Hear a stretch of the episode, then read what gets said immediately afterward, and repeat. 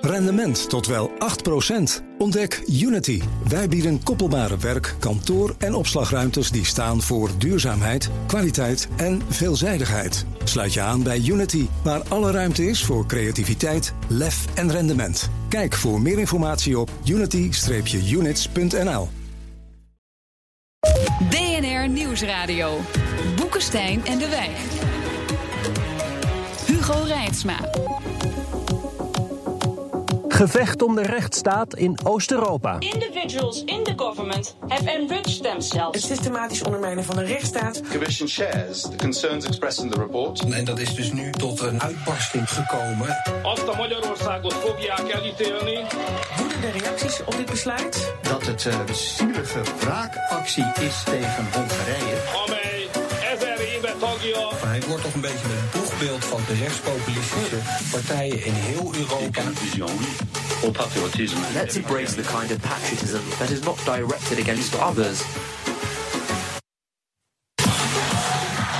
A keresztény európai népek családjának. A nationalisme malsain. Brussel start een strafprocedure tegen Hongarije, zoals eerder tegen Polen. Er is ook vrees voor democratie en de rechtsstaat in Roemenië. Autocratie in de maak in Europa. Welkom bij Boekenstein en de Wijk, op zoek naar de nieuwe wereldorde. Met in de studio. U herkent hem als liberaal en cosmopoliet. En laatst had hij ineens een nieuwe Volvo. Dat is duidelijk de samenzwering van George Soros achter Arend-Jan Boekenstein. Vertel dat nou niet, man. Rob de Wijk is professor, dus sowieso verdacht. Maar onze gast is onverdacht, want hij beweegt zich op de fiets door zijn woonplaats Warschau. Hij schrijft voor de Volkskrant over Midden- en Oost-Europa. Jenny Jan Holtland, welkom. Dankjewel. In het uh, Vrije Westen. hoe ga je nou meteen te ver? hoe, hoe staat het in jouw woonplaats nu met die democratie en rechtsstaat, zou je zeggen? Hoe ver is dat afgegleden? Ja, uh, ver, uh, maar dat merk je niet aan de buitenkant. Uh, er worden geen journalisten opgesloten, er staan geen tanks op de straat. Dus je denkt, als je een paar dagen bent, hier is helemaal niks aan de hand.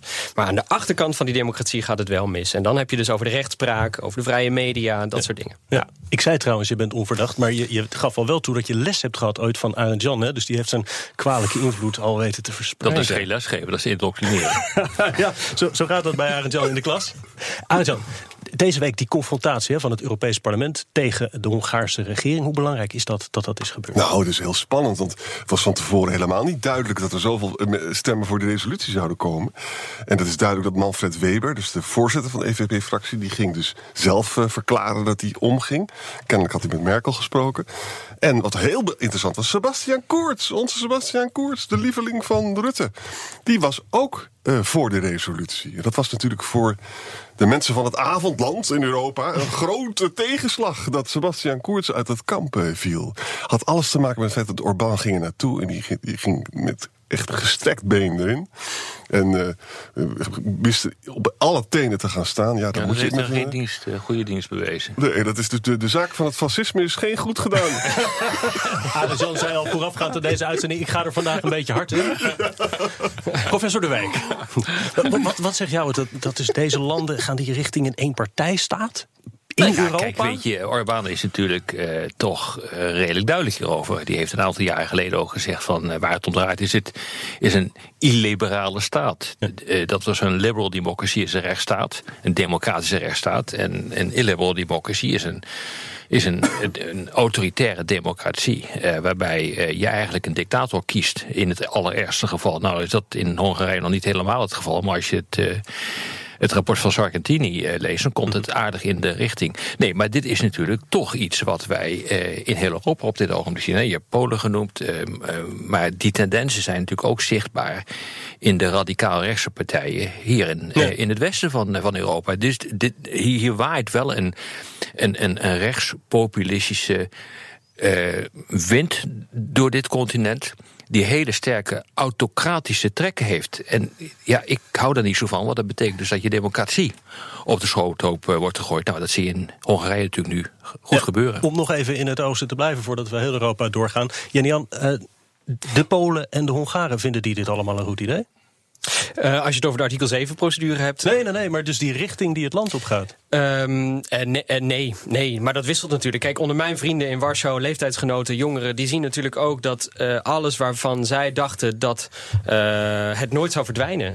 een Europees lidmaatschap, vrije pers, alle dingen die wij ook in Nederland denk ik ook heel belangrijk vinden, dat is voor hun ook belangrijk. En zijn vanzelfsprekendheid voor veel jongeren die opgegroeid zijn na, de, na het communisme. Voor, zij weten niet beter. Dus voor hun is het ongelooflijk triest. Ja. Je haalde laatst in een ondertussen stuk... worden ze dus wel gekozen, dat soort potentaten. Ja.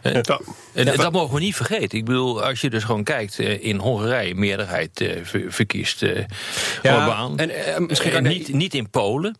Maar toch, ik bedoel, het is toch een belangrijk deel van de bevolking ziet, dat het, is niet, het is niet de meerderheid. Dan moet ik Nee, even, dat dus, klopt. Dus, In Polen hè, zeker niet. eh, En, maar ook Orbán niet krijgt dus eh, uiteindelijk krijgt hij bijna 50 procent. Ja. Maar als je, hè, als je de opkomstcijfers meeneemt, het is niet de meerderheid. Maar hij heeft een soort hij heeft een kiessysteem gecreëerd waarmee hij toch twee derde eh, meerderheid in het parlement Maar de krijgt. antidemocraat, die, die Ja. doet dat ook. Hè? Die verandert het kiessysteem Ja. zo...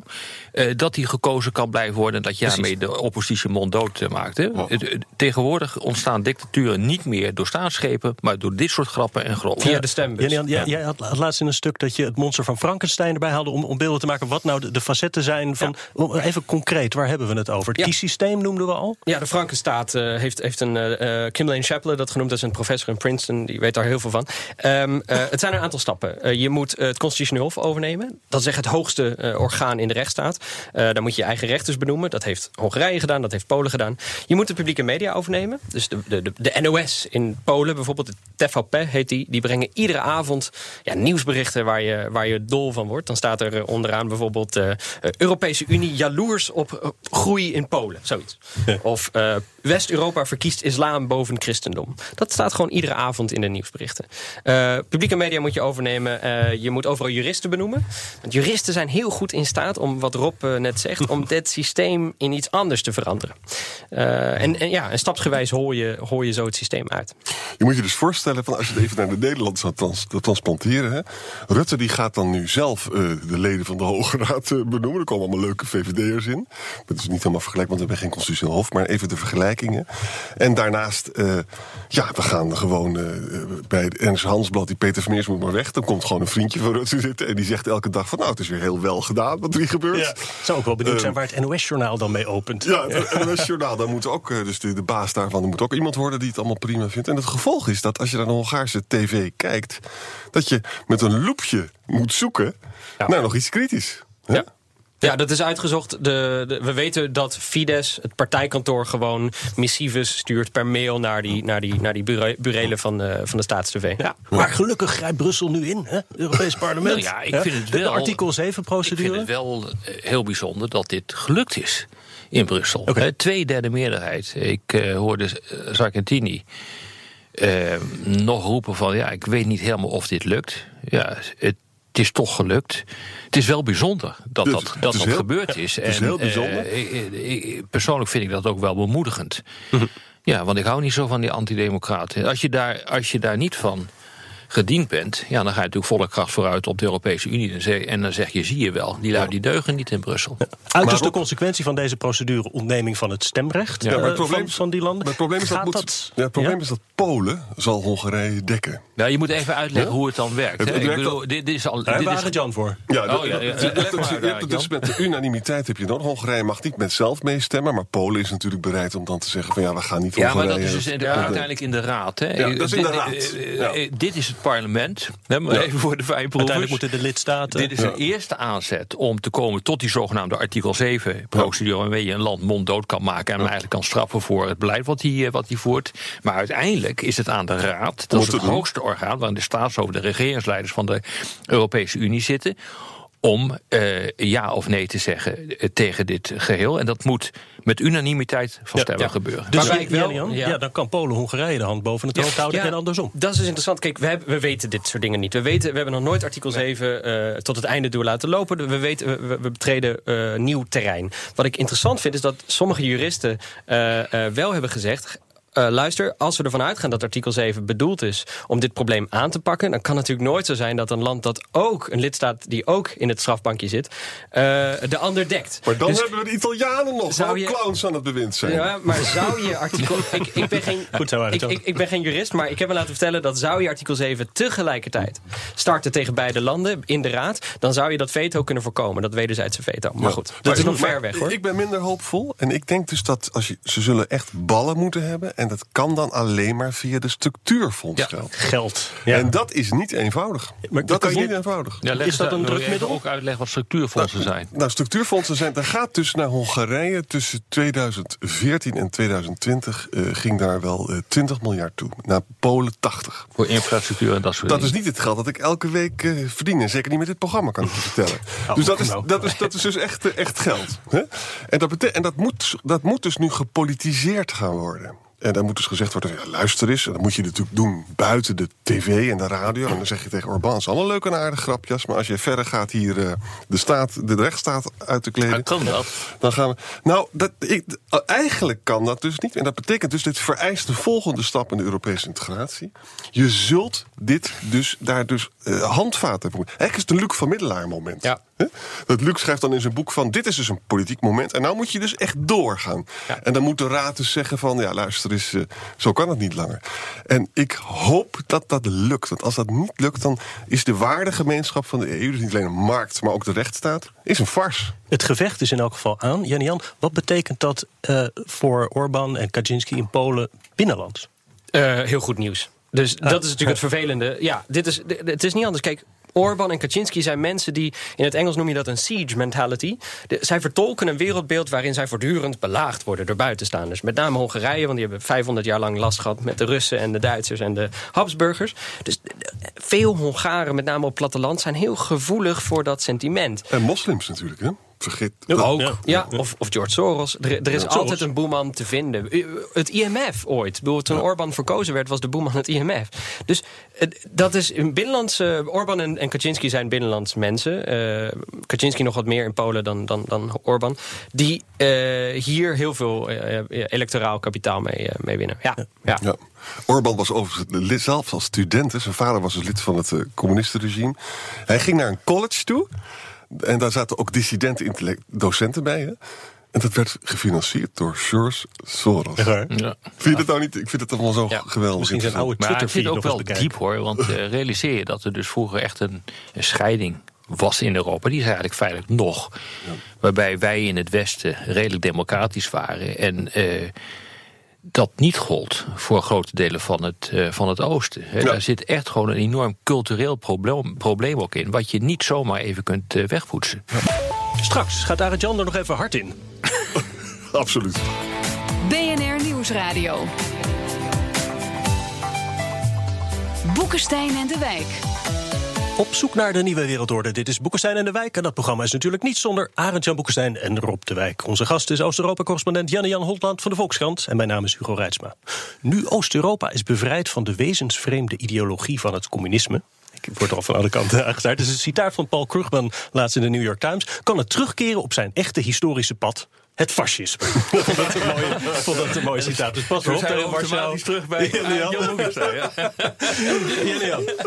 Hoeveel is dit nog, nog de, de, de geschiedenis die misschien onder de Sovjets een tijdje heeft stilgestaan en nu weer opstart? Ja, nou, de, de generatie politici die nu aan de macht is in Polen, eh, die zijn groot geworden in dat communisme. hè. En, en eh, waar het hier eigenlijk over gaat, is de erfenis van wat in Polen heet de ronde tafel. Dus in 89 had je in al die lidstaten in het Warschau, voormalige Warschau-pact, kreeg je ronde tafels. Daar ging de oppositie zitten en daar gingen de machthebbers, de communisten zitten. En die hebben een soort compromis bedacht. En dat compromis is eigenlijk 20, 25 jaar lang verdedigd. Ook door mensen als Donald Tusk bijvoorbeeld. Eh, maar Kaczynski behoort tot de, mm, ja, de revolutionaire. Die heeft eigenlijk altijd gezegd dat compromis deugt niet. Dat is een soort verraad aan de gewone Pool. En dit sentiment leeft nog heel sterk bij de achterban van PiS. Ja, en, en is het in, in Hongarije is dat nog het, het grote Hongarije en het, het, Die zijn geloof ik twee derde van hun grondgebied kwijtgeraakt na de Eerste Wereldoorlog. Ja. Is, is dat het sentiment wat daarachter zit? Deels, ja. Orbán is ook bezig, eh Horthy, hè, de, de, de Oh ja. figuur, de autoritaire figuur uit de jaren 30 af te stoffen. En eh, ja, draait de geschiedenisboekjes nu ook weer een andere kant op. Dus zeker, dat, dat, speelt, dat speelt een rol. Tegelijkertijd, ja, eh, de, of de gemiddelde Hongaar echt bezig is met hoe Hongarije er in de jaren 30 uitzag, weet ik niet. Dat Trianon, dat is wel inderdaad, dat, dat kun je, daar kun je iedere Hongaar... Het is het, een eh, oostelijke dat, dat, Versailles, dat verlies, eh, Ja, dat verdrag. Verlies van grondgebied is natuurlijk zeer traumatisch Maar geweest. Paul Ja. Krugman heeft echt een punt. Hè. Ik bedoel, het was een dubbeltje op zijn kant in het interbellum. Hè. Alle, eh, tijdens terwijl Hitler er was, vielen er allemaal staten vielen er om. Hè. En dat is ook Hongarije. Het is helemaal niet zo dat het nou zo sterk was, de democratie in het Nee, interbellum. maar eh, ik heb het voor, voor- voor de break al even gezegd. Het heeft ook gewoon te maken met een diep gewortelde cultuur. Ja. Ehm, en eh, horigheid, dat soort zaken hebben heel lang daar eh, bestaan. Eh, Feudalisme is dat eigenlijk. het, het, het was feodaal tot relatief redelijk recent. Ze hebben nooit de verlichting meegemaakt die wij hebben meegemaakt. Dus die traditie is gewoon helemaal niet zo diep geworteld als bij ons. Ja. En daarbij komt ook nog een keer, denk ik, dat eh, tijdens eh, het Warschau-pact eh, deze twee landen ook behoorlijk in opstand zijn gekomen in eh, 1956. Hebben zich geprobeerd los te maken van, eh, van Rusland. Dat is eh, hun niet goed bevallen toen ze dat hebben gedaan. En uiteindelijk is dat wel gelukt. Maar Dan denk je toch, zijn ze blij in de NAVO te zitten, hè? Hè? Dan, dan denk je toch, zijn ze blij in de NAVO te zitten nu? Ja, ze zijn blij om in de NAVO te zitten, maar niet om in de Europese Unie te zitten. Althans, je kunt dus ook gewoon zeggen van dat de Europese Unie een soort nieuw Warschau-pact is. En zo wordt het door sommigen ook gevreemd. in dat Dus zo het nieuwe Moskou. Was, Ja. dat was een mooie opmerking, als er iets over mag zeggen, van Ivan Krastev, die Bulgaarse eh, politicoloog, die eigenlijk het Ja. beste is hoor op dit vlak. Die weet, die, weet, die weet echt heel alles. En die zei heel mooi: 68 was voor West-Europa een, een opstand van het individu. Ja. Pro-abortus, pro-homorechten, dat soort dingen. In het, in het oosten was een opstand tegen de Sovjet-overheersing. Het was een collectieve, overheer, hè, een collectieve opstand. Eh, en dat verschil zie je tot op de dag van vandaag. Dat liberale denken is, ja, zit er niet echt. De, de, de Poolse het Poolse parlement kent geen klassiek liberale partijen. Maar begrijpen wij in het Westen dat goed genoeg? Hoe, hoe ze daar in het Oosten... Nee, nee we, zullen, ja, eh, we, we moeten elkaars eh, literatuur lezen. We moeten meer met elkaar praten. We, we moeten elkaar meer bezoeken. Tuurlijk, de- er is, er is, een, er is een, een grondig gebrek aan communicatie met elkaar. eh, begrip voor elkaars motieven. Ehm, absoluut. Ja. Maar ik heb nog even opgezocht wat mensen als Orbán hebben gezegd toen eh, in 1999 zijn land lid werd van de NAVO. Hè. Dat is fantastisch wat hij dan zegt. Een gloedvol betoog. En hij roept: Dit is niet minder dan de wedergeboorte van Midden-Europa in de geest van een nobele historische traditie van democratie en rechtsstatelijkheid. Mooie tekst. 20 jaar geleden, toen dat land lid werd van de NAVO. Met andere woorden, ze omarmden onze, eh, onze waarden compleet. En eh, je ziet precies hetzelfde met de toenmalige Poolse eh, premier Buzek. Die zei eigenlijk precies hetzelfde. Dat leidt bij mij wel tot de vraag van... waarom zijn deze landen nou eigenlijk lid geworden van de Europese Unie, van de NAVO? Is het nou eigenlijk alleen maar angst voor Rusland? Dat zou kunnen. Eh, is het omdat ze uit waren op de subsidiepotten die uit, uit Brussel kwamen? Gewoon geld. Eh, is het omdat ze werkelijk de waarde van het Westen eh, omarmden? Ik, dat zijn wel interessante vragen waarom ze het nou eigenlijk echt hebben gedaan. Jan-Jan? Nou, die, nee, zeker niet de subsidiepot en, en denk ook niet de waarde. Dus, maar wel het lid zijn van een familie. Hè. Ik Ik, heb net, net nog iemand gesproken, een Hongaarse, die zei... eh, mijn opa was tot tranen toe geroerd toen, eh, toen Hongarije bij de NAVO toetrad. Dat, is, dat is het gevoel voorheen geïsoleerd te zijn... en nu een gewaardeerd deel te zijn van een, van een familie. Maar eh, ho, ho, gewaardeerd deel. Ik bedoel, dat kun je nou toch niet zeggen met betrekking tot Hongarije en Polen. Als je een artikel. Ja, inmiddels niet meer. Inmiddels niet meer. Ik heb het over 2004 Maar- en maar over de optimistische, Ja, op de, over Wat is, er, wat optimistische is er jaren. gebeurd dan? Ja, dat is een hele goede vraag. Kijk, ik vroeg dat ook aan Margozata Gersdorf, die de opperrechter die eh, de- deze zomer met vervroegd pensioen is gestuurd. En zij zei ook heel eerlijk, vond ik ook wel mooi. Zij zei: We zijn iets vergeten ook in het onderwijs. We, hebben toch, we zijn er niet in geslaagd om instituties, om liberale waarden over te brengen aan de nieuwe generatie. Zodat jongeren in Polen. Het is niet geworteld, zeg je. Ja, nee, niet genoeg. Niet genoeg. Jongeren zijn een, een afwezige eh, bij de protesten tegen de Poolse regering. En dat is heel triest. En er was ook wel een diepere culturele onderstroming. hè. Eh, Rob heeft natuurlijk gelijk dat, dat het feodaal was en minder verlichting. Maar als je naar de muziek of de schilderkunst kijkt... dat was echt een heel duidelijk onderdeel. Mozart vierde zijn grootste triomf in, in Praag bijvoorbeeld. Ook in- Chopin, een Pool. Oh, Warschau. Dus dat is, het was er wel. En ze wilden heel... Kijk, als jij met de Russen loopt te vechten... En je, en je Maar je loopt kon ook mooie achter- muziek maken in een dictatuur, hoor. Er kwamen Ja. natuurlijk ook fantastische muzici uit, eh, uit Rusland, uit het tsaristische Rusland. Eh, dat was ook niet een fijne democratie. Jongens, migratie. Even, in de actuele thema's blijven. In hoeverre, eh, Jenny-Jan, is, is de angst voor migratie natuurlijk ook waar Orbán het veel over heeft? De hekkenbouwer. Ja. Is, is dit, speelt het een rol voor de mensen daar? Ja, groot. Kijk, de migratiecrisis was een cadeautje electoraal gezien voor Orbán. Kijk, voor 2015 eh, was hij een nationale politicus. En na 2015 is hij een Europese politicus. Ehm, eh, eh, hij heeft dat hek gebouwd. Hij, hij heeft gezien hoe hij- zijn discours eigenlijk in West-Europa gewoon is overgenomen daarna. Ehm, ja, hij, hij maakt er gebruik van. Je zag het ook deze week in het Europees Parlement. Dan zegt hij nee, jullie zijn niet boos over de rechtsstaat. Waar, jullie, waar het jullie eigenlijk om begonnen is, is dat wij geen migranten opnemen. En daarom ben je eigenlijk ook, dat wou ik nog zeggen, die artikel 7 procedure komt in die zin ook te laat. Orbán is nu acht jaar, heeft hij zijn macht kunnen consolideren. Had je eh, vier jaar geleden of vijf jaar geleden, toen Barroso, zelf ook een jurist, die wist dit, die wist wat er speelde en heeft het toen niet aangedurfd. Had je het toen gedaan, dan had je sterker, eh, sterker gestaan. Het is op dat punt van migratie, eh, lijkt me natuurlijk, Arend-Jan... dat eh, de Orbans, de Kaczynskis ook dikke mik kunnen zijn met de FPE... in Italië. Maar, maar, maar je kan het veel dichter bij huis zoeken. Dit is echt heel ernstig. Hij heeft dus gezegd bij het Europees Parlement... en met, tegen de journalisten van... ze doen dit alleen maar, ze straffen ons alleen maar... omdat wij geen vluchtelingen opnemen. Dat betekent dus dat je alle bezwaren tegen de rechtsstaat... gooien dus van tafel af. Het is lastig Nou, te discussiëren, hoor, Ja. op die manier. En wat is de reactie van eh, de gemiddelde PVV-stemmer of een forumstemmer hier? Van, je, het is, Orbán is een goede vent, want die houdt tenminste de vluchtelingen daarbu- daarbuiten. Want alle vluchtelingen, twitterde iemand, ik schrok me echt dood, die zaaien dood en verderf. Huh?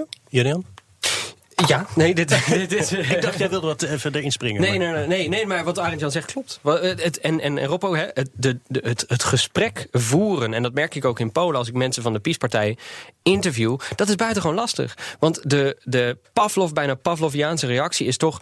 Ja, u, u- begrijpt ons niet, u begrijpt onze geschiedenis niet, u bent een buitenstaander en eh, u, u, u ziet onze. ehm, ja, u hebt eh, geen respect voor ons verleden. En maar dat begrip is er dus wel bij populistische partijen... in steeds meer West-Europese landen. antidemocraten zijn, eh, met, met weinig wortels in de echte democratie, omdat die nooit daar heeft bestaan, eh, vrees ik dat het, de echte reden waarom deze mensen zich zo gedragen is gewoon persoonlijke macht. Ja. Ik bedoel, dat Ja. zie je gewoon heel vaak hoor, met, eh, met populisten ter linker en ter rechterzijde. Eh, die tegen het antidemocratische aanzitten. Eigenlijk, eh, eh, Erdogan zie het, Poetin zie het. Eigenlijk wat je Het probeert is te geen doen. ideologie. Het is niet dat hij Nee, gewoon het is die geen liberale ideologie. orde Het is niet- gewoon, niet volgens mij is het gewoon pure persoonlijke macht. Hoe En- blijf en ik zo lang mogelijk aan de macht? En dat zie je ook. eh, de wijze waarop ze inderdaad met behulp van juristen ervoor zorgen dat het systeem zo wordt veranderd dat je ook inderdaad zo lang mogelijk aan de macht kunt blijven. En dan realiseer je dat als je ooit uit de macht wordt gegooid, dan beland je waarschijnlijk in de bak. Ja. Ja. En dat is iets wat je, wat je wil voorkomen. Dus je probeert de kosten van alles aan de macht te blijven. En het gebeurt heel slim. Hè? Ik ben de stem van het volk. Ik heb een democratisch mandaat. Hè? Ja. Rousseau, volk, algemene volkswil. Eh, maar zo'n NGO is helemaal niet verkozen. Dus als die loopt te zeggen dat ik corrupt ben, die moet gewoon zijn bek houden. Ja. En snap je, op die, via die route gaat het. En het grappige is, datzelfde populistisch discours hebben we ook voor een deel bij Nederlandse kiezers. Hè? De elite is corrupt en luistert niet naar wat het volk wil. Ja, je moet gewoon echt, dat is belangrijk hoor, wat uh, Aantje al zegt. Je moet kijken wat er ten diepste aan de hand is. En dat is namelijk een, een antidemocratische stroming om ervoor te zorgen dat je persoonlijk zoveel mogelijk macht kunt vergaren om aan de macht te komen en aan de macht te blijven. Ja. We Anti, dus Antiliberaal zou ik meer willen zeggen, maar goed. Ja. Ja, Ant- Antiliberaal is het. Ja, ja. dat twintig jaar eh, nadat we van de liberale wereldorde hadden besloten dat we hadden gewonnen, zijn we toch een hoop eh, Het, het- het is heel zorgwekkend. van huis geraakt. Het is heel, want laten we wel zijn, Roemenië, het gaat natuurlijk ook niet goed. En die, en die heleboel landen in de wereld kijken ook met enige respect naar staatskapitalisme. Die vinden dat Xi het wel leuk doet en Erdogan ook. En Poetin is ook een goede peer. En Oost-Europa doet het eigenlijk ook. Misschien moeten wij die kant ook maar eens op. Maar moeten we maar niet na gaan denken over een liberale democratie. Dus het hele idee van, weet je, dat de democratie steeds sterker werd in golven, dat is weg. Het gaat niet goed met democratie nu. Voor de twaalfde, het twaalfde achter in volgende jaar, dat moeten we ook even constateren, Ja. wordt het aantal vrije democratische landen minder in de wereld. Deprimerend allemaal. Weet je wat? Nou. Ik zet een volksdansje op. Want dit was weer Arend-Jan Boekenstein er op de wijk. Programma Boekenstein en de Wijk. U hoort het elke zaterdag om 11 uur op de radio. Wanneer u maar wil op de podcast. Abonneert u zich daarop en eh, laat weten wat u vindt. Dat vinden we ook leuk. En we, we hebben vorige week wel reacties gekregen, hè Arend-Jan? Ja, heel veel op Twitter eh naar aanleiding van het optreden van Sylvane. Waarbij werd gezegd dat Rob en ik slappelingen waren. dus we moeten ons ernstige zorgen maken. Maar ik vond dat Sylvane het heel goed deed, eerlijk gezegd. En verder was er een reactie in de app. Fijn dat jullie er weer zijn. Van Jan-Jaap van der Val. hey, die kennen we. Hey, En in dat programma- zit ik in dat programma van hem eh, binnenkort. Ja. Zit jij in zijn programma binnenkort op? Ja, ik hoop niet dat ik leuk hoef te zijn. Nee, dat hoef je alleen hier te doen, Rob. Maar dat slaag je altijd met- met glans in. Dit was hem weer voor vandaag. Tot volgende week. Rendement tot wel 8%. Ontdek Unity. Wij bieden koppelbare werk, kantoor en opslagruimtes die staan voor duurzaamheid, kwaliteit en veelzijdigheid. Sluit je aan bij Unity, waar alle ruimte is voor creativiteit, lef en rendement. Kijk voor meer informatie op unity-units.nl.